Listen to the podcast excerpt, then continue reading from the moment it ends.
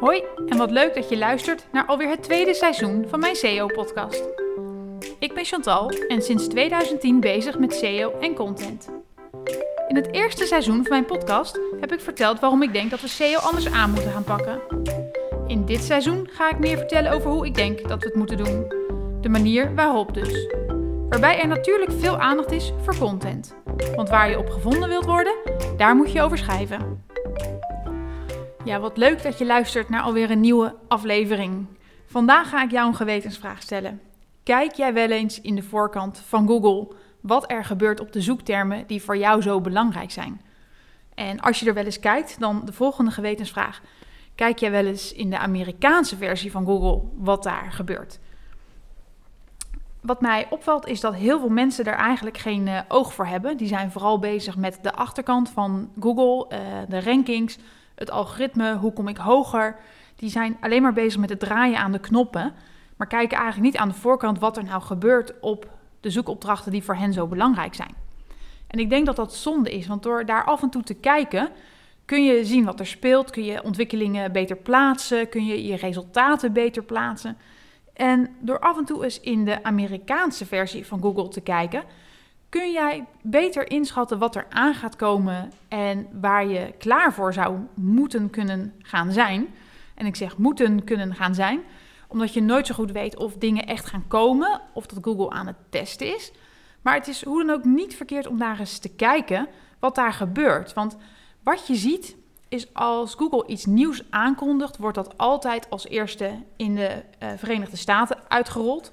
Daar gaan ze ook dingen testen en kijken hoe dat uh, uitpakt. En pas bij succes zie je dat het later naar Nederland komt. Dus de Amerikaanse versie van Google is absoluut een voorloper um, en geeft je een beeld waar Google mee bezig is. Dus ook al word je er voor nu niet wijzer uit of kun je er nu niks mee, is het toch goed om daar eens te kijken. Want eigenlijk valt je altijd weer iets nieuws op. Nou, ik kijk regelmatig in die voorkant van Google. Ik vind het uh, mega interessant om daar eens een, uh, een uurtje doorheen te gaan en verschillende zoekopdrachten uit te proberen. En dan maak ik ook altijd screenshots van wat ik zie.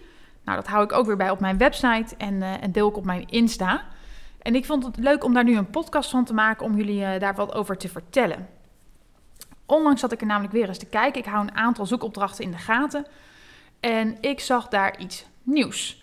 Een nieuwe module en dat is een soort van uh, product carousel. Alleen is het geen carousel, het draait niet. Het zijn vier blokjes, twee naast elkaar en twee onder elkaar, met daarop uh, uh, producten.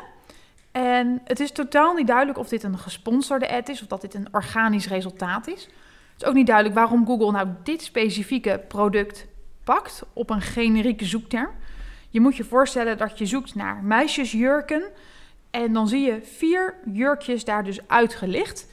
Nou, klik je op zo'n resultaat, dan ga je naar een nieuwe pagina binnen Google, waar je reviews kunt lezen of waar je het jurkje kunt uh, kopen. En dan word je doorgelinkt naar andere websites. Nou, wat ik al zei, er staat nergens bij of dit een ad is of een organisch resultaat. In Nederland hebben we dit ook niet. Maar dit is wel grappig om te zien dat Google hiermee bezig is. En ook om te zien hoeveel ruimte dit dus opneemt in, zo'n, uh, in de SERP.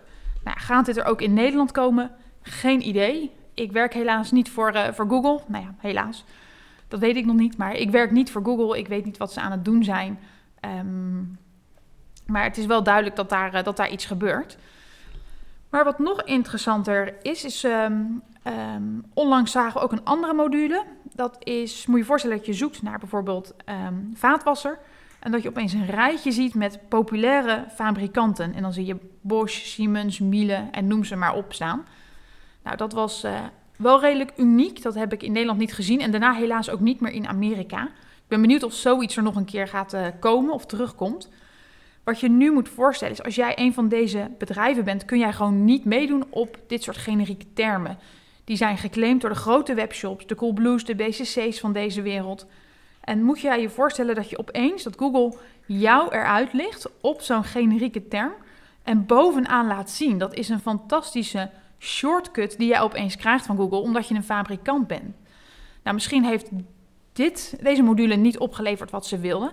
Maar dat, wat je hieruit kunt opmaken is dat Google waarschijnlijk wel nadenkt over hoe kunnen we nu nog fabrikanten tonen op dit soort generieke zoektermen.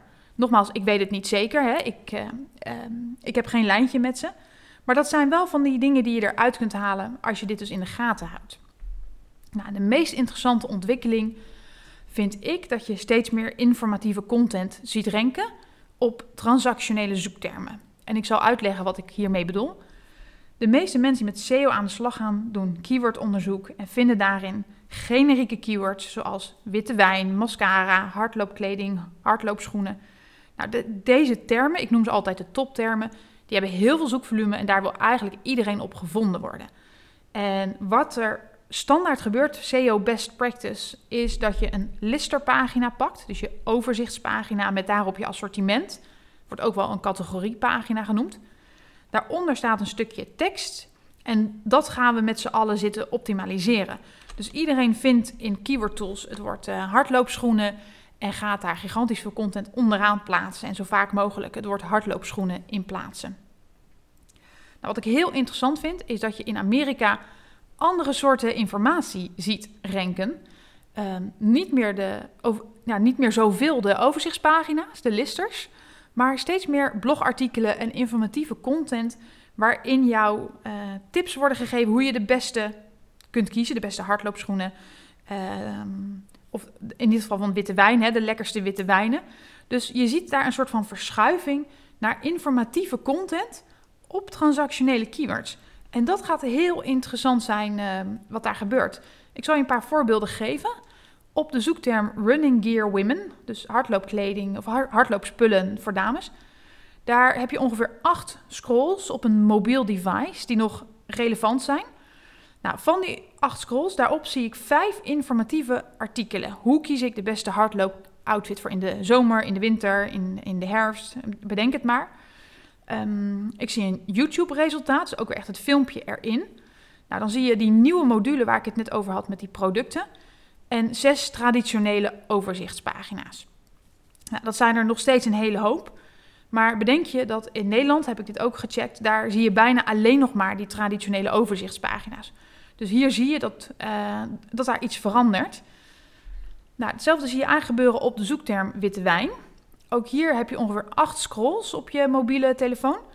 En van die acht scrolls, dit is heel bijzonder, zie ik tien informatieve pagina's. En dat is het zoekwoord white wine. En dan nog flink wat video's met de lekkerste wijnen waarin ze geproefd worden. En nog maar drie transactionele pagina's.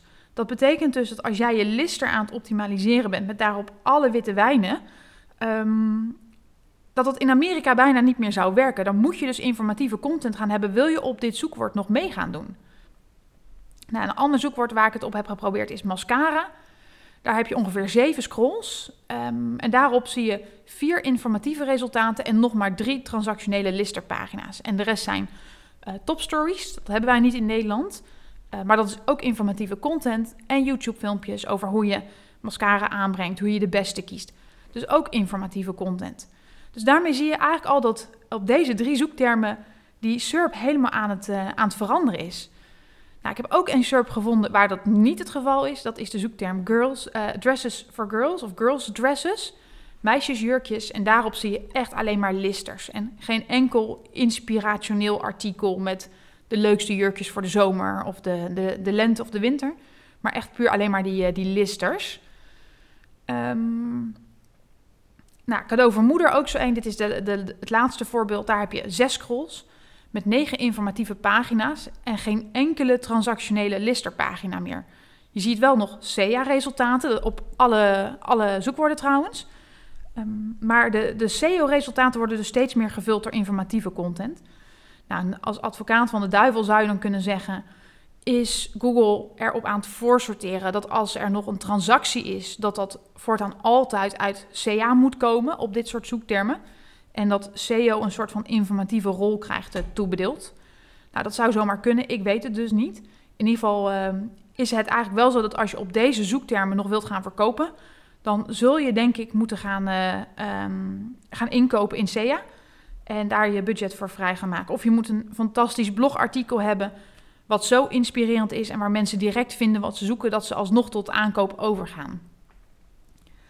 Nou, ik heb um, alle drie of alle vier deze zoektermen ook in Nederland bekeken. Nou, daar zie je deze omslag dus nog helemaal niet. Daar zie je echt alleen nog maar die traditionele overzichtspagina's, die listers met die content eronder. Ehm, en dan vraag je af, wat, wat moet ik hier nou mee? Gaat dit ook veranderen in Nederland? Kunnen we dit ook verwachten? Moeten we ook hier uh, ons klaar gaan maken? Ik weet het helaas niet zeker. Wat je wel zou kunnen beredeneren, is dat je met name op die keywords zoals witte wijn, mascara, hardloopkleding, zie je steeds meer een mensenvragen ook module. Met daarin uh, vragen die Google zelf bedenkt trouwens. En als Google monitort waar mensen nou op klikken, vertelt dat iets over waar we nou eigenlijk naar zoeken. Nou, die module die staat hier pas een jaar ongeveer live. Die mensen vragen ook. In Amerika al veel langer. En het kan best zijn dat als Google straks genoeg data heeft en ziet dat als wij op witte wijn altijd in die mensenvragen ook klikken op wat is de beste witte wijn, Google doorheeft dat dat helemaal geen transactionele zoekterm is, maar misschien nog gewoon een informatieve zoekterm en er dan die andere content bij laat zien. Um, dus het kan zijn dat Google in Nederland nog in die uh, fase is waarin ze informatie aan het vergaren zijn. Wat dit voor jou betekent, en als ik in jouw schoenen zou staan uh, en ik zou bij een webshop werken, um, ik, ik zou hier zelf bovenop gaan zitten. Ik zou zelf een, uh, een VPN gaan, gaan afnemen dat ik één keer per maand kan doen alsof ik in Amerika zit. En dan kan ik je ook aanraden om eens misschien Spanje, Frankrijk en Duitsland bij te gaan houden. Dat zijn ook grote talen en grote markten. Daar zie je waarschijnlijk de omslag eerder gebeuren dan in Nederland. Um, en ik zou daarvan uh, screenshots gaan maken en bijhouden, zodat je dat terug kunt zien van hé, hey, wat gebeurt hier nou, wat komt eraan? En sowieso nu al met deze informatie die ik in die podcast gegeven heb, zou ik gaan kijken of je 10 tot 20 procent van je tijd, dat is als je fulltime werkt ongeveer één dag in de week, kunt gaan uh, vrijhouden of vrijmaken voor informatieve content. Dus um, dat je niet je copywriter brieft om dit soort listers te optimaliseren, maar dat je gaat kijken wat kunnen we nou aan informatieve content rondom dit keyword gaan maken. En dan is een keyword dus ook eigenlijk geen keyword meer geworden, maar een thema. Dan heb je het thema witte wijn. En wat ga je daar dan over vertellen? Um, en dat moet denk ik relevant genoeg zijn en informatief genoeg om mee te kunnen gaan doen straks op die termen. Nou, en als je dan toch die VPN hebt, klik dan eens door in de Amerikaanse versie van Google op die partijen die je ziet renken. En kijk eens wat voor content zij aan het maken zijn. Um, zijn dat vergelijkingen? Zijn dat uh, listicles waarin je een top 5 van, uh, van lijstjes ziet? Of uh, zijn dat uh, video's waarin ze proeven? Daar kun je onwijs veel inspiratie voor je contentstrategie ophalen. Dus probeer dat eens op een vrijdagmiddag als je denkt: Oh, ik heb echt geen zin meer. Um, zet je VPN aan of zoek een tool waarmee je dat kunt nabootsen. Die zijn er ook. Alleen kun je vaak niet doorklikken. Maar kijk wat er gebeurt in Amerika op zoektermen die voor jou heel belangrijk zijn. Wat je daarvan kunt leren. Slechter word je er sowieso niet van, want die content die je gaat maken is waardevol. Zelfs als die niet zou renken op jouw uh, zoekterm voorlopig, is het waardevolle content. Die kun je nog een keer in, uh, in je nieuwsbrief meenemen, op je social verspreiden. Misschien komt daar wel op andere zoektermen al verkeer via SEO binnen. Dus je, je wordt daar echt niet slechter van. En sterker nog, zie je op een gegeven moment dat Google in Nederland ook die verandering gaat maken, dan ben jij er als eerste bij. Dus tip van de dag, ga dit doen, maak hier tijd voor vrij. Ik weet zeker dat je leuke dingen gaat zien. Um, ik vind het ook leuk om met je mee te kijken. Als jij zegt van, uh, ik heb een zoekterm, wil jij dat eens voor me uitzoeken? Ik ga er dan wel verslag van doen op Insta. Um, maar dan ga ik voor jou die, uh, die SERP induiken en kijken wat je, wat je ziet. Dus laat het me dan weten. Um, volg me op Insta als je dat wil. Mijn uh, Insta is Chantal Smink NL. En dan, dan ga ik daarmee aan de slag. Ik vind het een van de allerleukste dingen om te zien uh, wat daar gebeurt en waar Google dus mee bezig is. En ik hoop dat ik jou daar ook enthousiast voor heb kunnen maken. Wil je niks missen? Volg me dan op Instagram. Je vindt me onder Chantal NL.